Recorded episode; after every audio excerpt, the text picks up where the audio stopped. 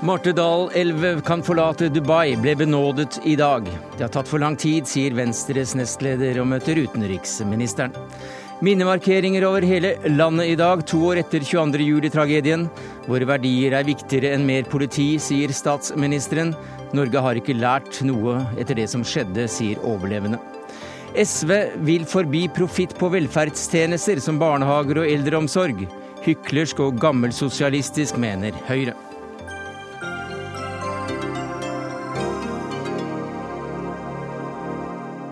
Av sakene i Dagsnytt 18, der vi også skal snakke om den nye tronarvingen i Storbritannia, hvis han eller hun vennligst kan la seg føde før klokka blir sju norsk tid.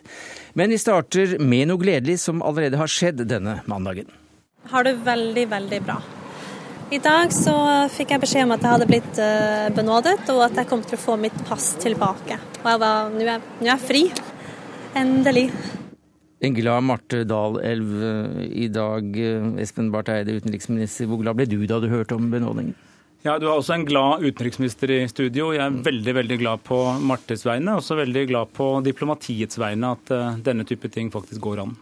Den 24 år gamle Marte Dahler ble også benådet i dag etter å ha blitt dømt til 16 måneders fengsel i Dubai for bl.a. sex utenfor ekteskapet da hun anmeldte en, en voldtekt.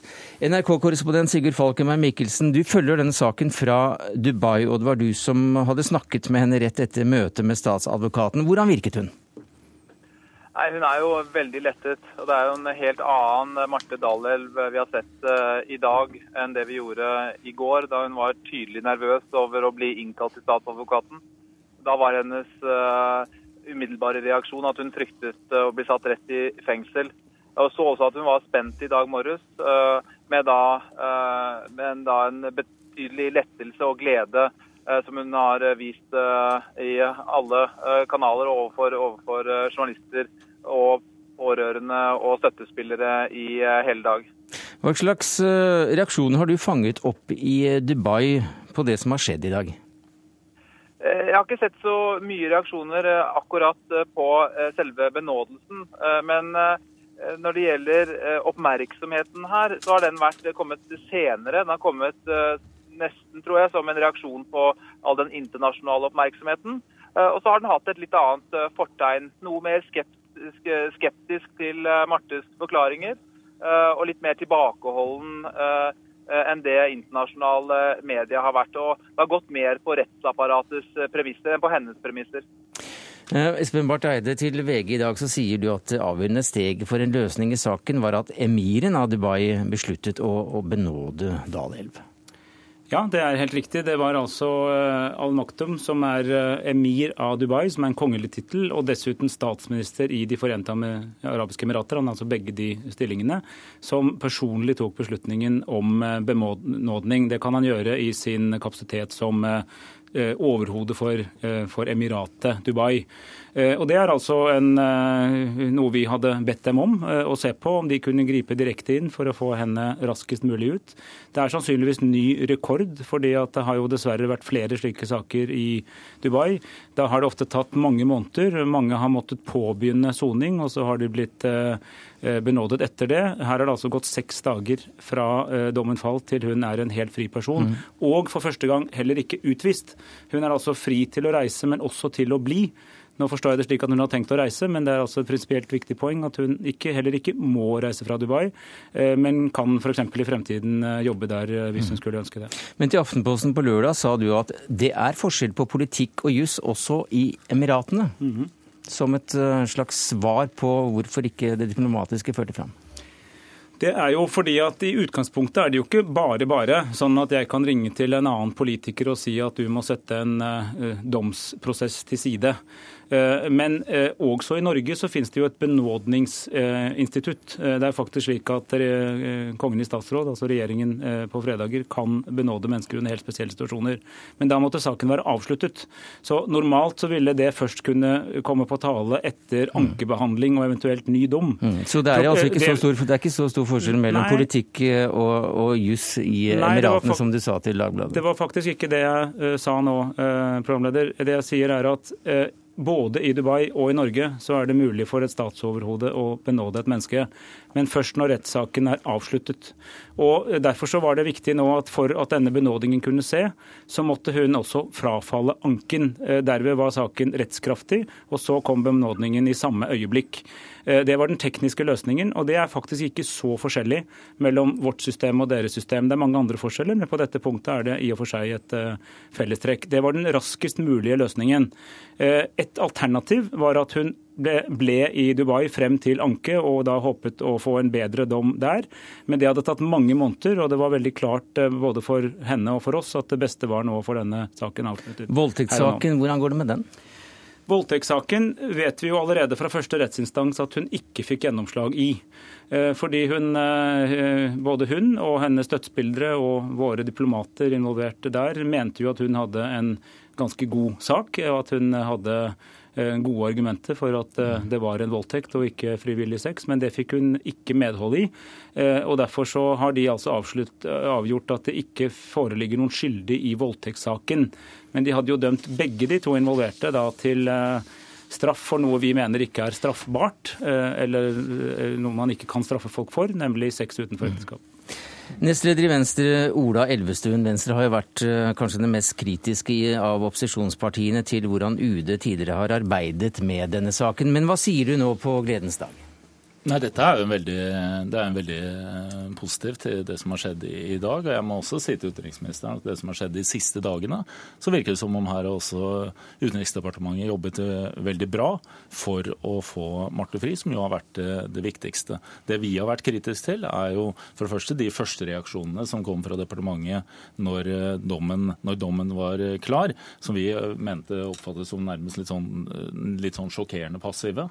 Og vi har også vært opptatt av at man tidligere skulle vært tydelig med at dette selve tiltalen i seg selv er et brudd på menneskerettigheter, og at man kunne vært, tidlig, kunne vært tydelig på det fra norsk side også tidligere. Og Det er ikke bare Venstre som har påpekt, det har også bl.a. vært uttalt fra Amnesty.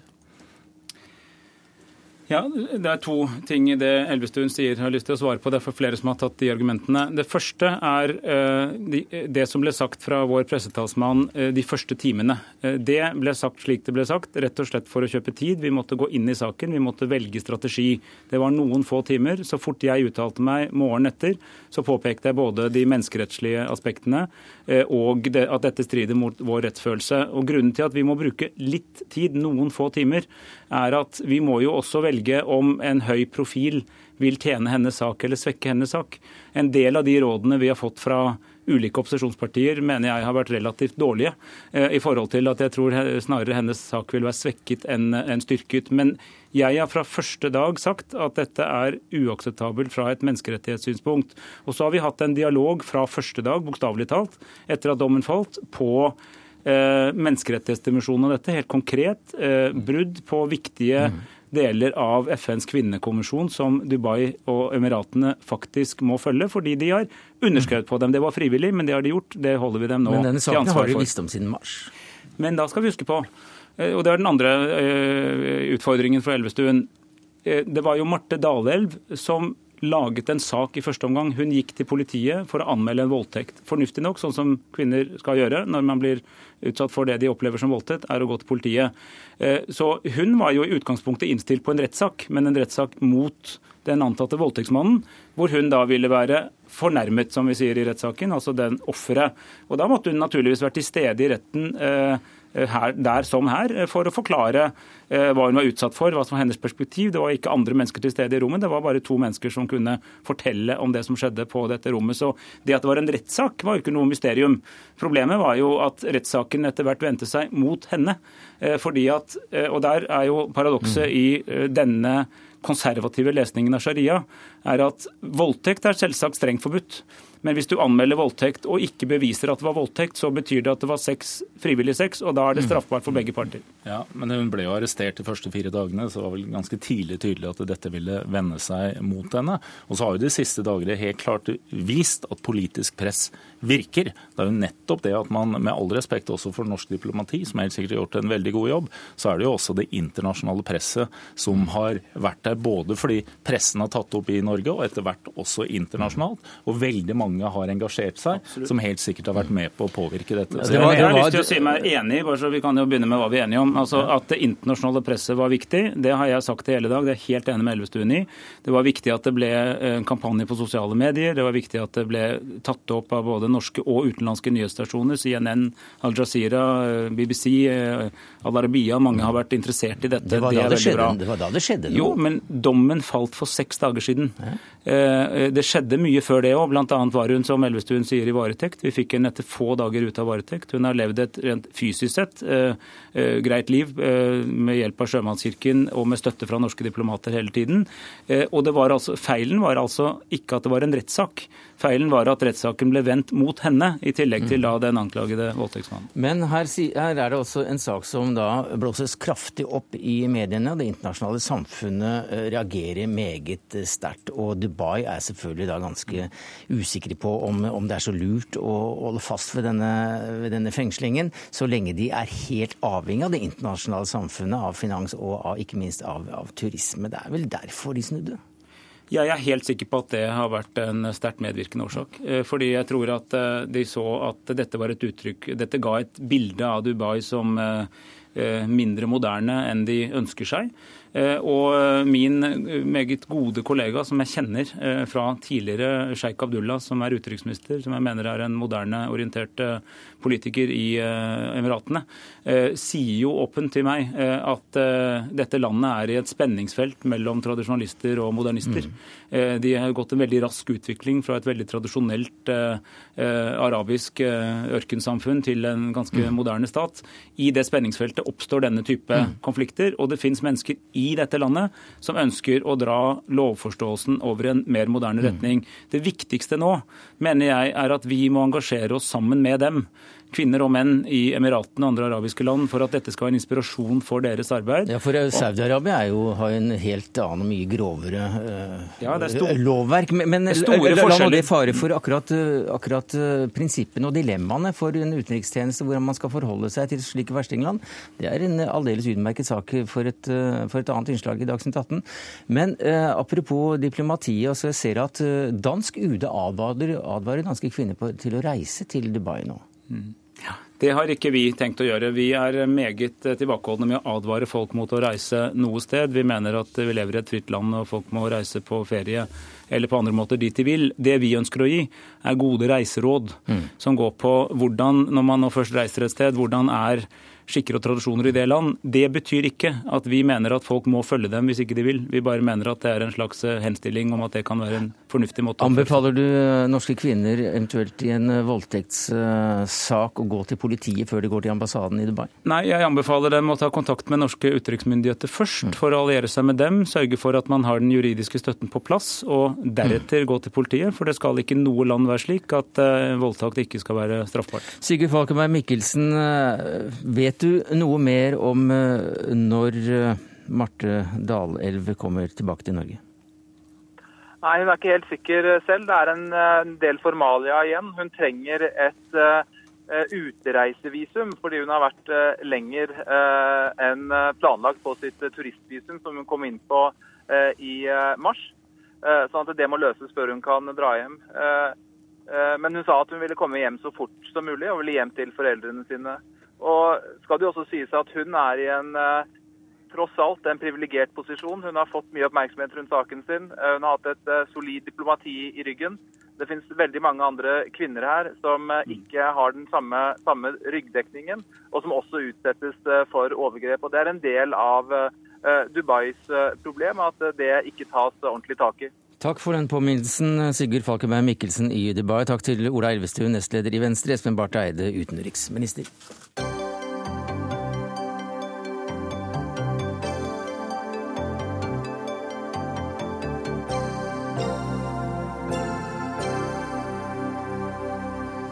I dag for to år siden rammet terroren Norge. Bomben i regjeringskvartalet og skuddene på Utøya kostet 77 mennesker livet. Flere ble alvorlig skadet. Det har vært eh, markeringer rundt omkring i landet. Jens Stoltenberg, statsminister, du holdt en tale utenfor Høyblokka, din gamle arbeidsplass i regjeringskvartalet i dag, der du la vekt på at eh, bedre etterretning, flere helikopter og også mer politi ikke alene bekjemper ekstremismen, men det er verdiene som er viktige i denne kampen. Hva mente du med det? Det jeg mener med det at Selvfølgelig er politi og helikoptre og beredskap viktig, men jeg mener at det først og fremst så handler det om å eh, skape de holdningene, de verdiene, eh, det samfunnet som ikke gir grobunn for den type ekstreme handlinger, voldshandlinger som vi så 22.07 intet samfunn kan gardere seg 100 eh, mot det. Men det som er skummelt ute i Europa nå, det er at vi ser at eh, ekstreme eh, partier, både høyrepopulistiske, men også fundamentalistiske islamske strømninger, forherliger vold, formidler hat. Og de får mer grobunn fordi det er desperasjon, fordi det er fortvilelse pga. store økonomiske problemer, høy ledighet, fellesskap og velferd som forvitrer. Eh, og det er å ta vare på den tryggheten. Eh, det er avgjørende for å unngå eh, vold og ekstreme handlinger. Det er jo da to år siden dette skjedde. Dagen etter så sto du og holdt rundt pårørende og, og overlevende ved Sundvolden hotell. Hvordan har dette satt seg hos deg? Det har forandret meg for hele mitt liv. Og jeg møtte mange av dem igjen nå for noen få timer siden på Utøya. Eh, og sannheten er at det egentlig er først når jeg møtte eh, foreldre, eh, mennesker som hadde mistet barna sine, kjæresten sin, sin nærmeste, på Sundvolden lørdag 23., at jeg egentlig begynte å forstå rekkevidden. Dette var mennesker som noen timer i forveien hadde fått beskjed om at deres nærmeste var drept.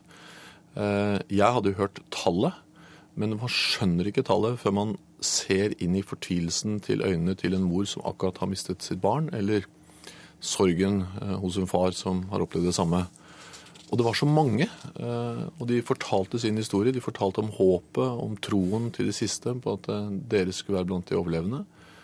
Jeg traff dem der for to år siden. Jeg traff dem i bisettelser. Jeg traff dem rundt omkring på AUF og Arbeiderparti-arrangementer i Norge. Og jeg traff mange av dem igjen i dag. Og det gjør absolutt like sterkt inntrykk hver gang.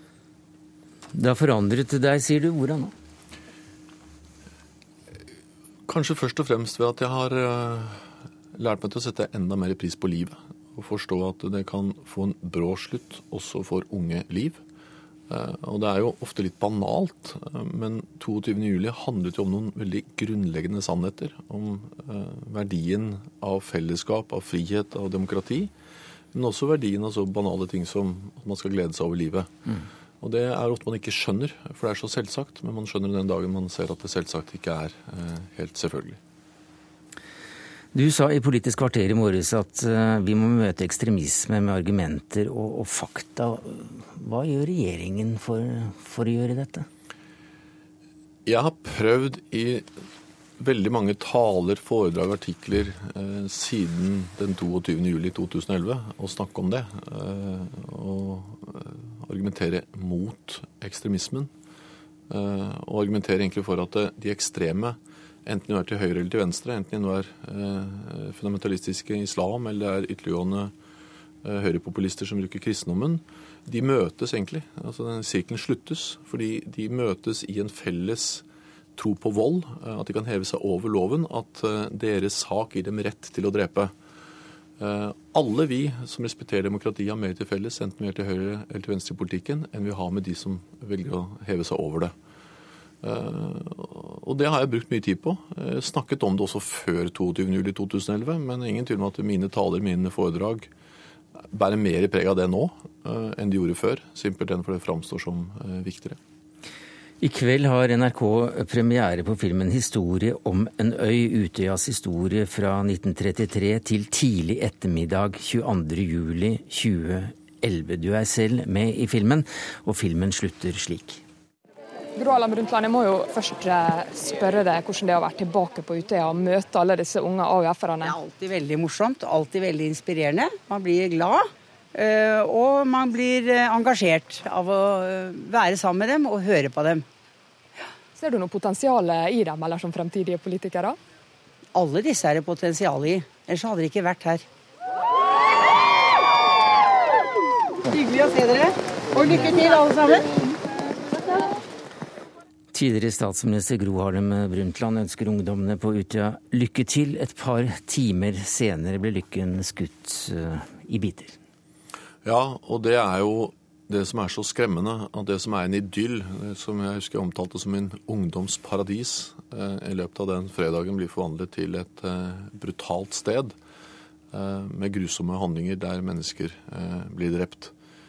Og jeg har sett mesteparten av denne filmen på nrk.no i natt, og det var en film som gjorde veldig inntrykk på meg. Hvorfor det? Ja, fordi altså, Jeg er jo ikke en typisk gjennomsnittlig nordmann når det gjelder Utøya. Jeg har tilbrakt hver eneste sommer på Utøya siden 1974. Mm -hmm. Jeg har hatt eh, virkelig ungdom eh, der. Jeg har hatt liksom, AUF-ledertid der, og jeg har vært tilbake der som statsminister og partileder og talt. Så for meg handler det om en viktig del av mitt liv. Og det har vært forbundet bare med glede, bare med sol, bare med lys og ungdommelig livskraft. Men nå er det en dobbel Utøya-budskap. Klarer du å glede deg over de minnene? På samme måte? Ikke på samme måte, men jeg gleder meg over dem. Og, det er det som er Utøyas store paradoks i mitt liv, og jeg tror i veldig mange andre menneskers liv. Det er at det er en veldig mørk, trist side som handler om 22. juli, og som alltid kommer til å være der. Men det ødelegger jo ikke eh, de gode minnene.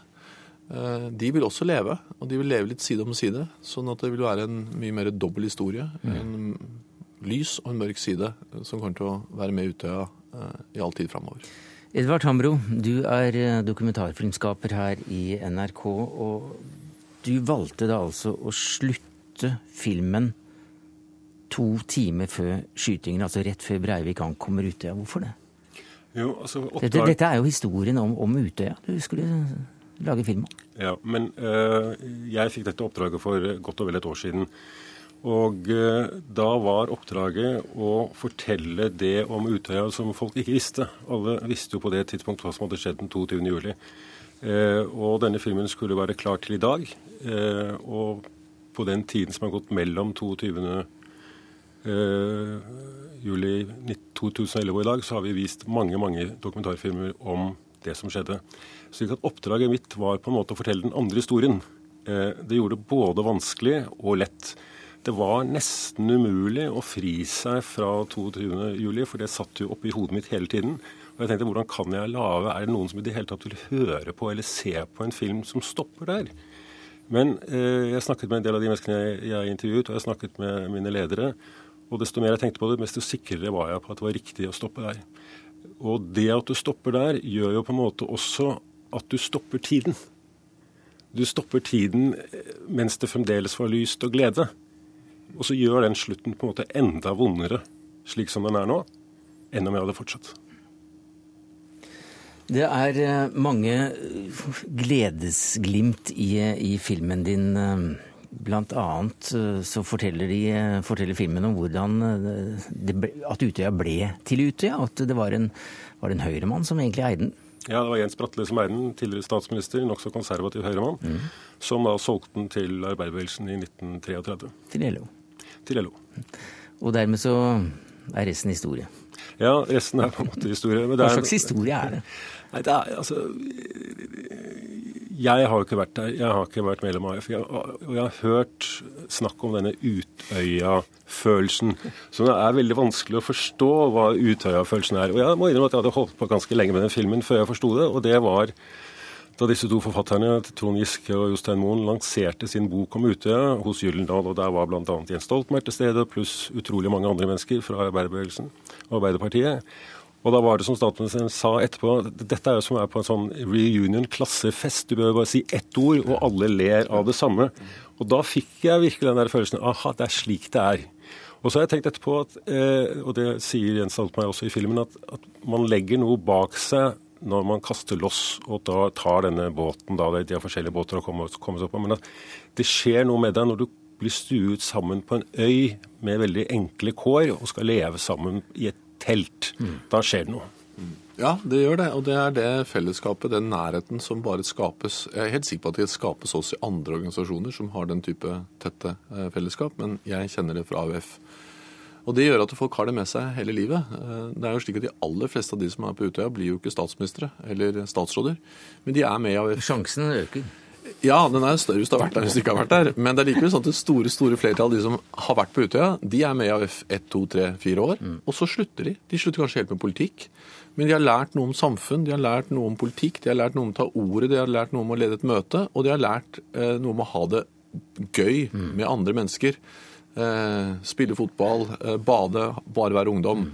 Og det har de med seg i livet. Og jeg treffer jo mennesker i de underligste posisjoner i samfunnet som husker liksom at de var på Utøya 1963 og fortsatt eh, lever med det, selv om de har havnet et helt annet sted i livet. Du, Filmskaperen ved siden av deg her, Stoltenberg, sier at et problem med å lage filmen var at det var forholdsvis få filmopptak fra Utøya. Og det selv om det er altså da tatt bilder og for så vidt filmet siden 1933, så, så er det ikke mange meterne film. Hvorfor nei, ikke? Nei, og det lurer jeg på kan ha noe med at det er liksom en offisiell Utøya. Og det er at det kommer en eller annen øvrighetsperson i land på, fra båten, ja. går opp brygga, det er 100 meter, opp til bakken, taler ja. og går ned igjen. Ja. Det filmes. Det er det vi har? Det, det filmes hvert år. Men det er jo både en kritikk av F, som ikke skulle legge til rette for noe, men det er jo også kanskje litt fantasiløst av de som er der hvert år, og lager akkurat den samme reportasjen eh, hvert år. Hva er det, hva er det for så er det et stort Utøya der ute blant teltene og på kafébygg og sånn, som knapt noen gang har vært filmet. Og hvorfor ikke? Altså, jeg, jeg, vet ikke hvor, men altså, jeg har tenkt uh, jeg, jeg, Da jeg begynte på dette, så tenkte jeg at her er det hundrevis av timer. Ja. Det var det ikke. Jeg kunne se gjennom det som finnes i kjelleren på NRK i løpet av to lange arbeidsdager. Så gikk jeg til uh, Arbark og prøvde. Der har de sikkert noe. Der hadde de én film som var delvis ødelagt, som stoppet før den var slutt. og Det, det hadde var da tolv minutter. Og så tenker jeg, uh, Det er sannsynligvis flere grunner til at det er slik. Den ene grunnen tenker jeg er at hvis dette her er eller det er en leir hvor ungdommene er alene for første gang. Det er deres egen øy, det er et fristed. De vil jo ikke ha noen kameraer der. Hvorfor skal de ha kameraer og feste Altså, De skal være for seg selv. For, nå er det riktignok drikkeforbud, men til å begynne med var det ikke det. Eh, man ble forelsket, man gikk på kjærlighetsstien, man hadde kanskje sine første erotiske opplevelser. Dette skal da ikke filmes, dette skal være en, en, en hemmelig, et hemmelig fellesskap, et hemmelig godt minne. Det skal ikke ødelegges med noe film. Eh, og så tenker jeg at det har vært eh, ganske mange ikke spesielt fantasifulle dokumentarister. For man burde jo Jeg burde ha vært der, f.eks. Jeg har ikke vært der. Noen burde ha vært der og spurt om de kan få lov til å være til stede, og kommet til en enighet med AF. at det skal selvfølgelig få lov til å se gjennom materialet, skal ikke bruke noe som ikke dere vil. Men noen burde ha vært der. Jeg burde ha vært der. Du burde ha vært der, men det var mange som var der av utenlandske dignitærer også. altså Offisielle besøkende, så å si. Gro Harlem Brundtland hadde med seg en gjeng, og de, hvis de måtte på toalettet, så måtte de eh, ja, Det syns jeg Stoltenberg skal få lov til å fortelle for jeg syns det er ganske morsomt. Ja, Det var jo hele poenget, at det er veldig primitivt der. Altså nå, Morgen ble det etter hvert mye mer avansert, men det var jo én vannspring, og det var utedo. Og det levde vi veldig bra med. Sånn lever man i Norge på sommeren. Eh, I hvert fall gjorde vi i mange år. Og da fikk vi en del Vi fikk utenlandske partiledere, statsråder ut, og det var altså, De reagerte veldig på det. For de, de, de forsto ikke liksom, ideen om at man kunne ha det sånn når man tilhørte et regjeringsparti og var statsråder og viktige personer. Og det gjør meg egentlig litt stolt at eh, vi hadde det slik i Norge. Filmen eh, vises i kveld eh, på NRK1 klokka 21.30. Takk skal du ha, Jens Stoltenberg og Edvard Hamlund. Det er en person Bli gjerne sittende, for vi får inn eh, Ali Spati her, daglig leder av Manifest Analyse, Jens Stoltenberg.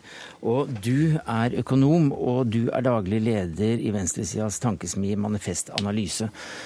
Og du er da en av de som eh, overlevde. Du var på Utøya under skytingen 22.07. for to år siden. Du skulle holde et foredrag, eventuelt hadde holdt det. Mm. Og du gjemte deg i vannet mens skytingen pågikk. Hvilke inntrykk er det som sitter sterkest i deg når du husker tilbake på den dagen? Det er jo en hendelse som gjør at man minns alt på et sett eh, i detalj men det kanskje sterkeste inntrykket var vel når jeg såg den første personen som var som jeg kunne konstatera var skottskadad. Eh, en eh, jente som hadde blivit blødde fra, fra armene og fra, ansiktet. Så et ett hål i, i, i kinden och som sa 'jeg vil ikke dø her'. Men så sa hun også til de som var rundt omkring som var der og hjalp henne at om jeg dør her, kom ihåg at ni er fantastiske', eh, fortsett å kjempe med det ni gjør. Og jeg minns hvor jeg eh, efteråt när jag hade backat från, från den, den scenen, for det var masse folk rundt, eh, tørket av eh, hennes blod på hendene innan jeg kunne ringe et, et, et samtal. Og jeg visste ikke i en måned om det var så at hun hadde overlevd eller inte. Men jeg fikk vite det den, når vi var der en måned senere, at, at det hadde hun. Og hun var en av dem som, som vitnet også i, i rettergangen mot, mot Breivik. I dag har du deltatt på minnemarkeringen i Oslo domkirke. Hvordan var det? Det var fint. Det var, det var verdig. Det, det, er viktig å ha den typen av, av felles markeringer som, der man minst de som har, har mislivet, og, og, og de som vil, kan, kan delta i dem. Du skriver i svenska Aftonbladet i dag at Norge ikke har lært noe av det som skjedde på Utøya, at fremmedhatet er tilbake etter terrorhandlingene. Hvordan kan du skrive det? Jeg mener at etter eh, det som, som skjedde, så, eh, så fanns det midt i den, den sorgen og det enorme tapet som hadde, som hadde drabbet hele det norske samfunnet, så, eh, så fanns det en, en mulighet og en skyldighet, kanskje man kan si, å reflektere over hva, hvorfra kom denne, denne terroristen. Var det så at han bare damp ned her, ramlet ned her midt blant oss, eller hva var det for politisk miljø som han kom ifra? For det var et politisk politisk terrorattentat som han gjennomførte. Og så kan man reflektere over finnes det ting vi kan gjøre for å motta tilbake eh, den, den, typen av, av, eh, av värderingar eh, från, eh, från samfunnsdebatten. Er det så at eh, vi kan forstå mer av hva det var for prosesser som, eh, som ledde fram til det som skjedde? Men har vi ikke det? og jeg mener at vi har gjort det i, i altfor liten grad. Mm. Det, det, skjedde en del i den korte tiden som var efteråt. Det skjedde i samband med med rättegången.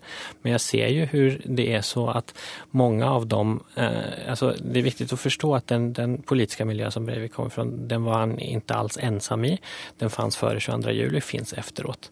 Eh, och den påverkar eh, det norske samfunnet og andre samfunn der, der det finns. Og, og, og det, som, det, som har, eh, eh, det som har skett er at, at dessverre så, ser, så, så mener jeg at det er mer eh, av den typen av, av tankeganger, retorikk, sett å se på verden, som snarere har rørt seg inn mot mainstream, midten i, mm. i, i, den politiske debatten. Og det er en paradoksal effekt av at man tenker at, at det som Breivik gjorde var så ekstremt og så uhørt at eh, mange andre saker som er, som er veldig langtgående og, og, og fruktansverdige og, og ubehagelige at, at, eh, at, tenke og propagere for og resonnere som, at det er mm.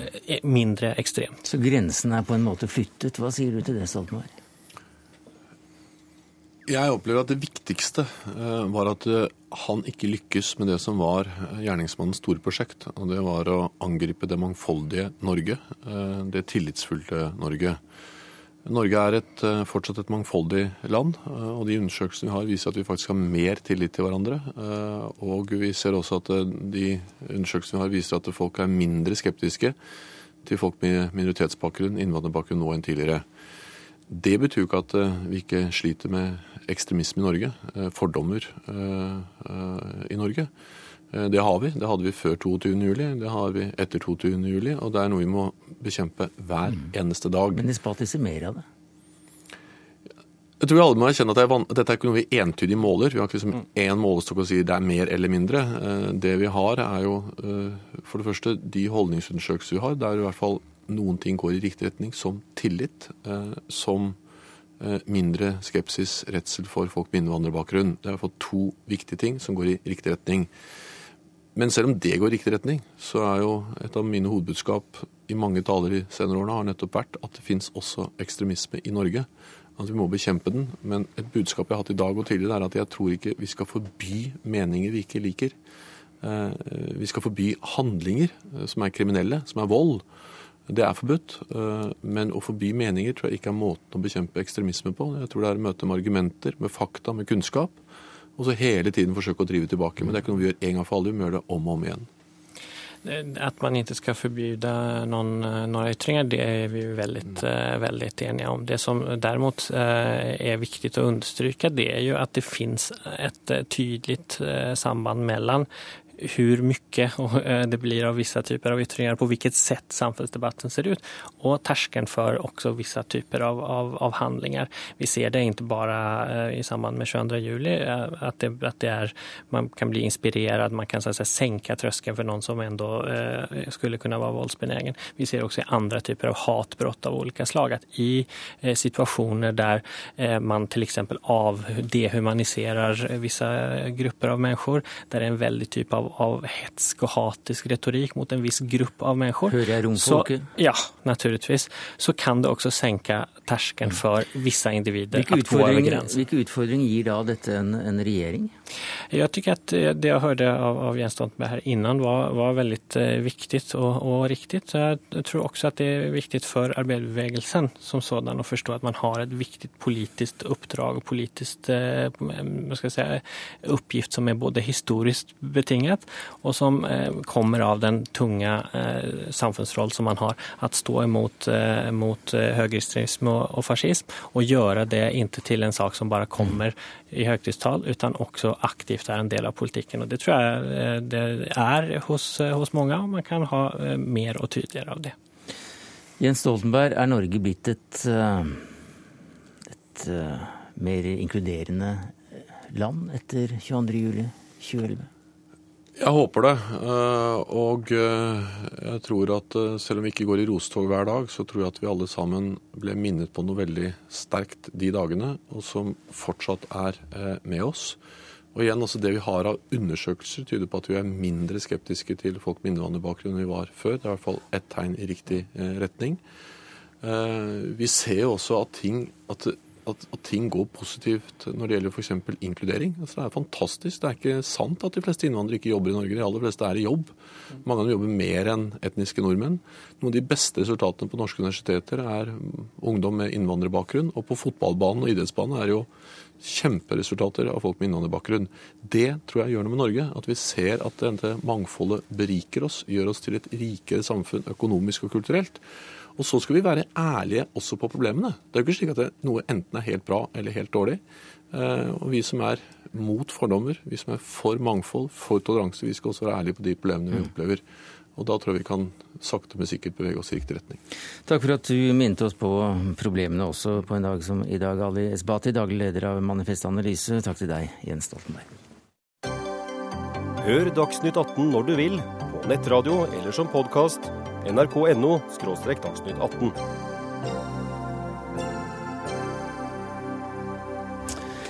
SV vil nekte investorer å tjene på velferdstjenester. Ingen skal få tjene penger på verken barnehager, eldreomsorg eller rusomsorg, og anbud innenfor velferdstjenester ja, det skal stoppes hvis partiet får det som det vil etter valget.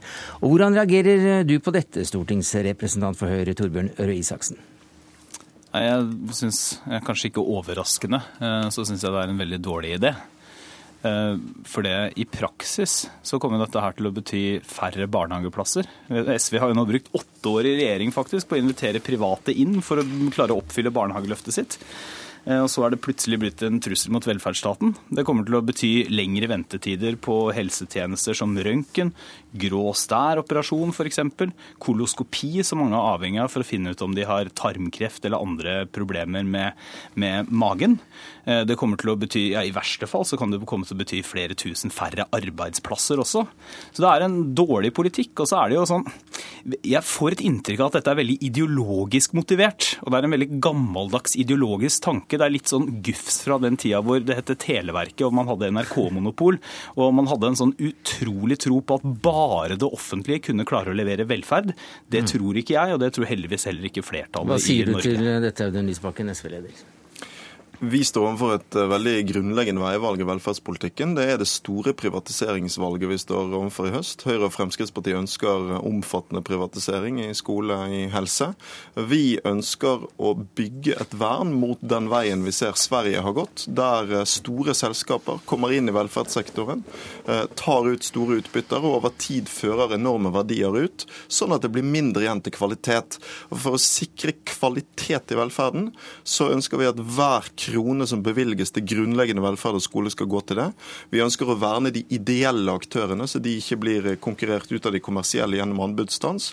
Og vi ønsker å sikre rekrutteringen til tjenestene ved å sikre like god pensjon til alle. For en av privatiseringens store kostnader er at folk får dårligere pensjon. Men barnehageløftet det blir altså gjennomført ved hjelp av de private.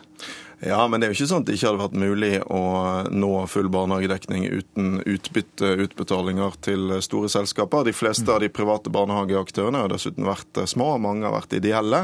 Eh, så er det sånn at barnehageforliket ble til gjennom et kompromiss mellom SV og Fremskrittspartiet, fordi Høyre når de var i regjering sist ikke ville bygge barnehager. Derfor så var det noen kompromisser der. Det er altså sånn at hvis vi vil ha maksimal kvalitet, så må vi sørge for at mest mulig av pengene går til det. Som bare arresterer Røe Isaksen på ett punkt. Nei, Et øyeblikk, nesten på eh, Isaksen på det. Ja, ne, ne, men, men det, det, jeg, jeg synes det, det, det pussige med resonnementet altså vi, vi, trenger ikke dvele ved dette liksom barnehageforliket, at SV nå i åtte år har, har, brukt da private og invitert dem inn. og Jeg er jo ikke enig i at dette hadde vært like enkelt uten private. Da hadde det vært umulig å få til SVs barnehageløft. Men ta en enkel ting som f.eks. røntgen. I dag er det lang ventetid allerede i dag på røntgen, men en av grunnene til at vi klarer å holde ventetidene nede, det er for at det er private aktører der ute som tar unna noe av køene til det offentlige. Eh, hvis det blir forbudt, og det er jo det SV foreslår, så kommer det til å bli lengre ventetider på røntgen. Samme med en sånn ting som koloskopi f.eks., som også er lang ventetid på. En av grunnene til at vi holder ventetidene litt nede, er for at det fins private aktører. Hvis det skal bli som forbudt, tjener penger på det? Ja, som tjener penger på det også. Ja. Men det, hvis det blir forbudt, så blir det lengre ventetid ja. på sånne helt elementære, grunnleggende, enkle helsetjenester som det. Men det er ingen som sier at det skal bli forbudt å drive på andre måter, men at den offentlige velferdsstaten som finansieres for offentlige penger, den den bør primært drives av offentlige eller av ideelle private aktører. Vi er for private, vi, men vi er for de ideelle aktørene som ikke skal drive eh, for eh, utbytte, men som driver av andre grunner. Og De er jo de største taperne i konkurransepolitikken til høyresiden. Så er det selvfølgelig sånn at hvis det ikke er kapasitet i det offentlige eller i eh, private ideelle aktører til å uh, gjøre en tjeneste som det er behov for, så må man kunne kjøpe det fra kommersielle. Men prinsippet må være at vi skal bygge ut en kapasitet som fører til at hver krone går til velferd og skole. Og, og det som er litt artig, det er at nå harselerer Røe Isaksen over dette prinsippet, men han går inn for det samme prinsippet sjøl i skolen. Der går jo Høyre inn for utbytteforbud. Mm. Så hvis det er sånn at det er et overgrep å gå inn for det når det gjelder rusomsorg eller barnevern, hvorfor er det da riktig å gjøre det i skolen? Jeg sier overhodet ikke at det er et overgrep. Jeg sier bare at det er fryktelig, fra gamle tiden. Ja, men jeg sier at det er fryktelig dum politikk å gjeninnføre et påtvunget offentlig monopol på absolutt alle områder i samfunnet. Eh, og jeg syns Aune Lysbakken istedenfor å bevege seg rundt i studiesirkelsfæren, så skal han komme til de helt konkrete eksemplene. Hva med f.eks. røntgen? Skal det være lov å tilby røntgen eh, for pasienter på det offentliges regning av, eh, av klinikker som tar et utbytte? Ja eller nei? Det, det skal det være lov å tilby La oss ta det med røntgen, da. Det er ikke det det dreier seg om. Selvfølgelig skal det være lov å kjøpe tjenester av kommersielle hvis de offentlige ikke har kapasitet til å gjøre det sjøl. Men her er spørsmålet hvordan skal vi drive de institusjonene som drives over tid på kontrakter fra det offentlige, f.eks. innenfor rusomsorg, innenfor barnevern.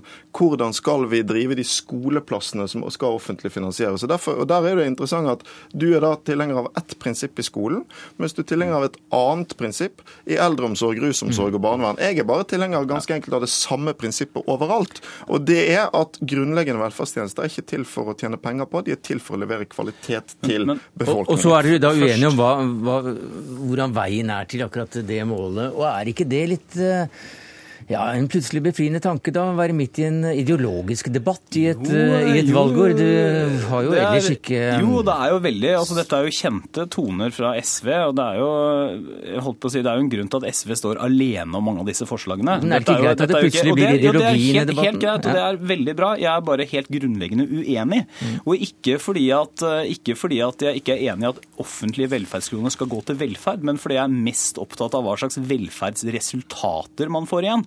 Og Da er jo f.eks. barnehageforliket et godt eksempel. Da. da er jeg mer opptatt av at folk får en barnehageplass å gå i, og at de barnehagene er gode, enn av å ri et prinsipp om at man ikke skal kunne ta ut et eneste så, så krone i utbytte. Så fargen, så fargen, på katten spiller ingen rolle? bare? Nei, det, for det er et artig eksempel. fordi at Vi er jo mest opptatt av at folk skal få en barnehageplass. Ja, derfor var vi villige villig til å inngå kompromiss med Fremskrittspartiet, fordi dere i regjering ikke prioriterte barnehager. Men det vi sier nå, er hva vi mener er den beste måten å organisere velferden på. Og grunnen til at vi kom med denne advarselen Egentlig er ikke dette så voldsomt radikalt i Norge, for vi har veldig lite kommersiell eh, drift av grunnleggende velferdstjenester i Norge. Men i Sverige er det blitt massivt. Og vi ser at det fører til at store summer tas ut av velferden, at det klages på kvaliteten i eldreomsorg og skole. Det har vært dramatiske konsekvenser. Og det er lukrativt å investere i den nordiske velferdsstaten. Derfor er vi redd en utvikling som den i Sverige, og derfor vil vi knesette et prinsipp som skal hindre at vi kommer dit. Og uansett så er altså det ideologi som eh, nå seiler opp som eh, en av de eh, viktige temaene i, i valgkampen, og det gleder vel sikkert også Torbjørn Røe Isaksen, stortingsrepresentant for Høyre, og ikke minst Audun Lysbakken, SV-leder. Takk skal dere ha, begge to.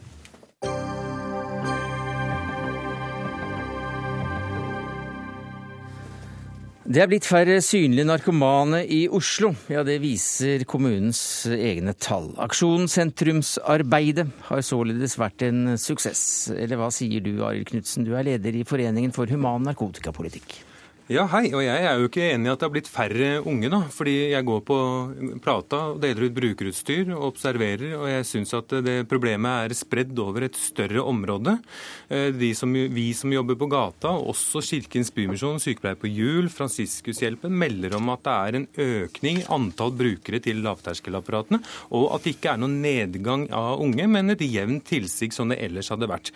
Er det noen nedgang, så skyldes det trender i rusbruk i samfunnet generelt generelt. Vi har jo fått en liten nedgang i overdoser, alkoholoverdoser etc. Men, men Politiaksjonen mot rusmiljøet har ikke vært heldig for rekruttering. Nå selges det cannabis og kokain over større områder i byen, og da er det mye vanskeligere for de unge å ikke bli tilbudt det. Og det er mye lettere for dem å oppsøke tre-fire stykker på et hjørne enn før, når det sto et svært eh, miljø med 70 80 tunge brukere. Mm. Da var det skremmende å gå dit. Så nå må du også, mens du før måtte ned på plata, så kan du også nå få kjøpt eh, på et hjørne nær der du bor, Anniken Hauglie. Du er sosialbyråd i Oslo kommune, og det var vel ikke meningen?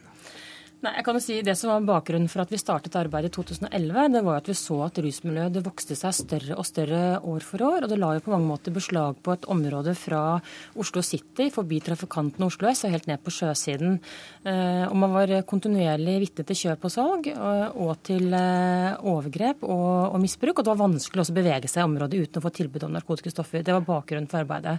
Vi har vært veldig tydelige på at byen er til for alle, også byens rusmisbrukere. Det er de illegale handlingene som vi har ønsket å å komme til livs. Men Hva er fordelen med å spre det sånn? Nei, det vi ser nå er jo tvert imot at eh, Og jeg tror alle kunstnere er nok blant de få som mener det han sier. Jeg får jo en helt annen tilbakemelding jeg fra de samme organisasjonene også, som Arild Knutsen nevnte. Men hva er fordelen med å spre dette? Nei, det vi, det, altså vi sprer det ikke noe mer nå enn før, men det vi ser er at det er en betydelig nedgang i det åpenlyse rusmiljøet. Det er bortimot en halvering fra 2010 eh, og 2011.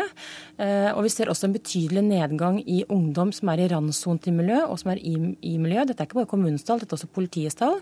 Og vi ser en nedgang i ungdommer fra andre kommuner, og det var også noe av, eh, noe av målsettingene våre. Mm. Ja, men, men, men, men det er jo positivt, altså hvis det faktisk er nedgang på alle disse utsatte gruppene som som trekker til sentrum, så er vel det også noe som eh, Humanitet foran legalitet, eh, som står på finn.no. Eh, skjorta di er? FHN.no, det er hjemmesiden til organisasjonen. Jo, det hadde, altså, For det første, eh, jeg deler Anniken Hauglies intensjoner. Det, er, det var et altfor stort rusmiljø. Det var mye åpenlys injisering. Mange typer problemer som vi alle ønsker til livs. Men å gå på med politiaksjoner og spre det altså Finn én en eneste rapport som viser at det er heldig. Altså Sammenhengen med innendørs væresteder, sosialfaglig oppfølging, helsefaglige tiltak og politikontroll må stå i den type typen sammenheng som de gjorde nede i Europa. De har latt seg inspirere av dem. Men jeg har fortalt politisjefen i Amsterdam hvordan de gjør det her i Oslo. Han ble fryktelig indignert for den jagingen som pågår nede i byen. Og det kan vi diskutere ordet jaging, men det som er helt sikkert er at rusmiljø forteller at de føler seg svært jaget. Og de tunge stoffbrukerne i Oslo og Bergen særlig har en helsetilstand som er fryktelig opprørende. For under sånne elendighetstilstander og med så høy dødelighet lever ikke stoffbrukere i andre andre land i Europa. Det er nettopp som følge av at det er undertrykt og jaget av politikontroll. Nei, eh, Knudsen, jeg syns du bruker forferdelig store ord. Eh, det som, det som, vi ser, er jo at eh, miljøet har ikke nødvendigvis flyttet seg på den måten som det Knudsen sier. Antall personer i miljøet er betydelig redusert. Og når vi også ser nå på tallene våre fra Ungdom og rus ved legevakten, som fanger opp de yngste som kommer inn med, med rusforgiftning, så ser vi også at alle rusmidler, alkohol, cannabis, heroin, amfetamin, partydop, LSD, hva det måtte være, alle rusmidler, alle, altså var en nedgang på forgiftning på alle rusmidlene. Man kunne kanskje godt si at det er, det er jo trender, det er riktig, som Knutsen sier. Det er trender i rusbruk. Eh, men da skulle man i så fall sett at det er en markant økning av den enkelte stoffer. Det er det jo ikke. Eh, og jeg syns det er gledelig at miljøet er redusert, at antall ungdom i randsonen og i miljøet er redusert, og at vi også ser en betydelig nedgang, til dels halvering av rusforgiftning av unge under 23 år. Det vi ser, nemlig har sett, er jo at Eh, utsatt ungdom er mer utsatt nå enn det man er tidligere. Det er jo ingen som debuterer på rusmidler i det tunge rusmiljøet.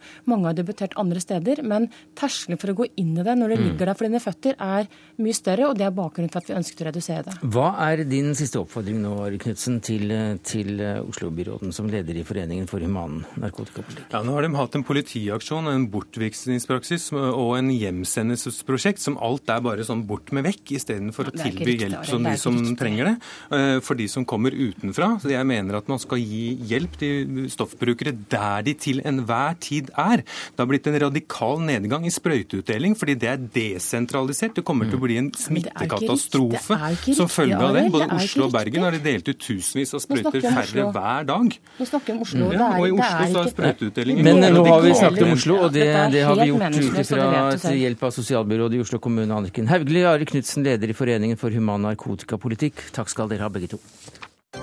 Hør Dagsnytt 18 når du vil, på nettradio eller som podkast. nrk.no – dagsnytt 18.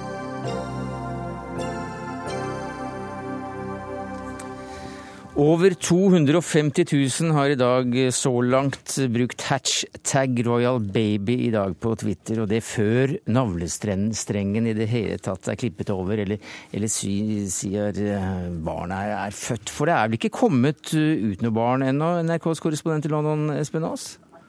Nei da, den eh, store, tunge eh, brune døren ved Lindo-fløyen ved St. Mary's hospital, den er lukket for det meste. Det kommer noe personell ut fra tid til annen, men eh, det er nok ankommet langt mer pressefolk og skuelystne enn eh, noen, eh, noen arvtakere til den britiske tronen. Hva er siste nytt? Siste nytt er rett og slett at alle venter på siste nytt. Det som er blitt sagt, er at etter at man bekreftet at fødselen var i gang, så kommer det ikke noe mer nytt vedrørende fødselen før den faktisk er eh, over og barnet har eh, kommet. Eh, og Det er jo det nå alle går og venter på i denne gaten utenfor St. Mary's hospital, hvor bredden vokser og vokser etter hvert som timene går og internasjonale medier ankommer her. Ja, Du er ikke alene? Her er det godt og trangt om plassen. I tillegg så er jo dette en av eh, de varmeste dagene, kanskje den varmeste dagen i år. Så her ligger både svettelukten og tidvis eh, irritasjonen mellom de som forsøker å holde orden på trafikk og sykehus, og de skuelystne eh, høyt. Kari Grete Alstad, du var vår stemme fra London, og du har skrevet en bok om det britiske monarkiet. Hva slags interesse er det vi er vitne til nå? Det er jo en, en, fornyet interesse, da, kan du si. Nå har det jo vært de samme grå, gamle figurene lenge, og så skal vi da endelig få et, et barn i kongefamilien. Det kommer til å heve interessen for monarkiet veldig, tror jeg. Og så vi, har vi fått nytt blod inn i kongefamilien også, gjennom Kate. Det er eh, ikke helt eh, avgjort eh, for alle oss andre. Det er ikke kjent for oss hva slags kjønn det er engang. Nei, men det spiller ikke lenger noen rolle.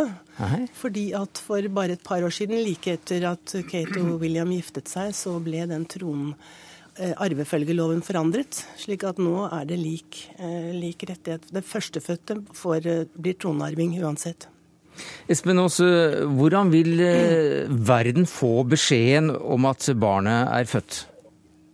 Altså, det er noen som skal få beskjed før uh, verden, og den som skal få beskjed først, er jo uh, rikets overhode, nemlig dronning Elisabeth. Og da skal uh, prins William ringe henne på en kryptert og dermed helt sikker telefonlinje for å meddele at det har kommet en tredje tronarving.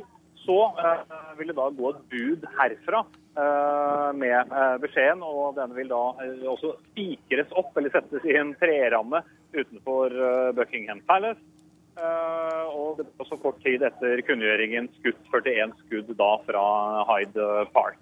Men etter eh, snart tolv timer siden ankomst, så har det vært dørgende stille hva den slags skudd angår.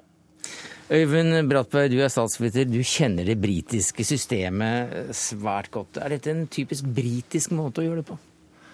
Det meste av underlige kutymer er britiske måter å gjøre det på. Dette føyer seg pent inn, inn i rekka, vil jeg si. Det er seremonielt, og det er pomp og prakt, og det er en, en til tider absurd forestilling. men dette her er jo også en måte for kongehuset å bevare sin uh, synlighet, sin appell og sin fornyelse. Så det er jo en, en viktig ting at uh, det fødes et, uh, et, barn som er neste i arvefølgen. Så en, en stor begivenhet er det, er det, slik sett. Men det er jo et langt perspektiv for at uh, man skal få noen, uh, noen at, at, vedkommende barn skal komme på tronen. Fram dit er det jo flere ledd. Så det er ikke noen sånn umiddelbar revolusjonær endring på gang, det at det kommer et nytt skudd på stammen. Men er det viktig?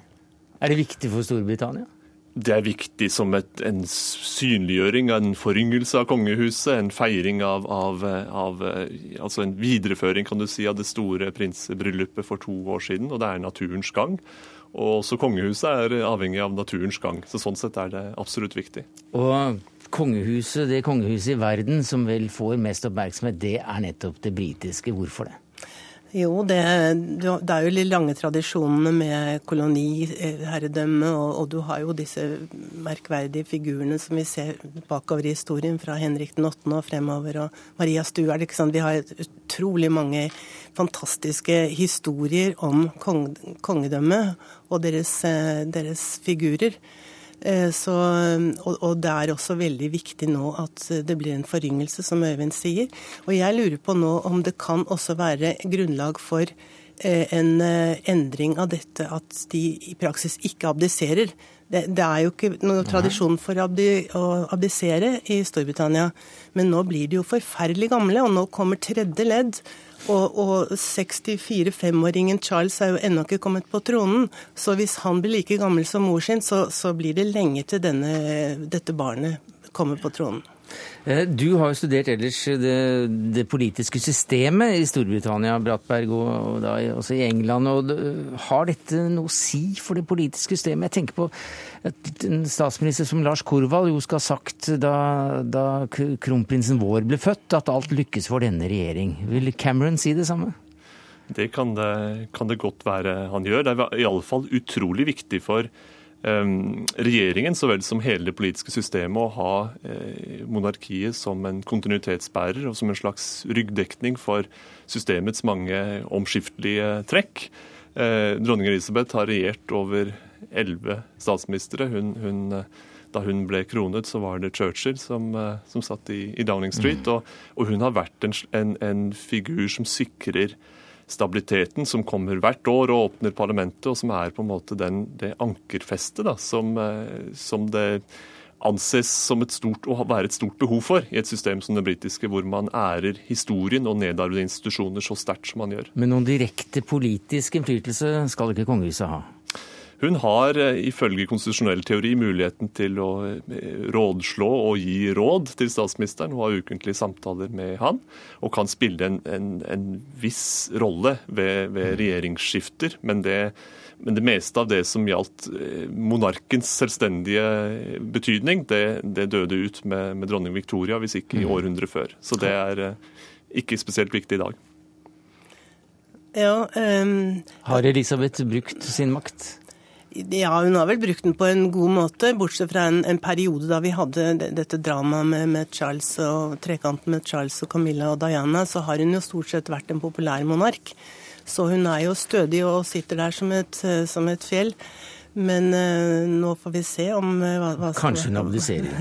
ja, jeg tror kanskje ikke hun abdiserer, men muligens at mm. Charles gjør det. Hva tror du om det?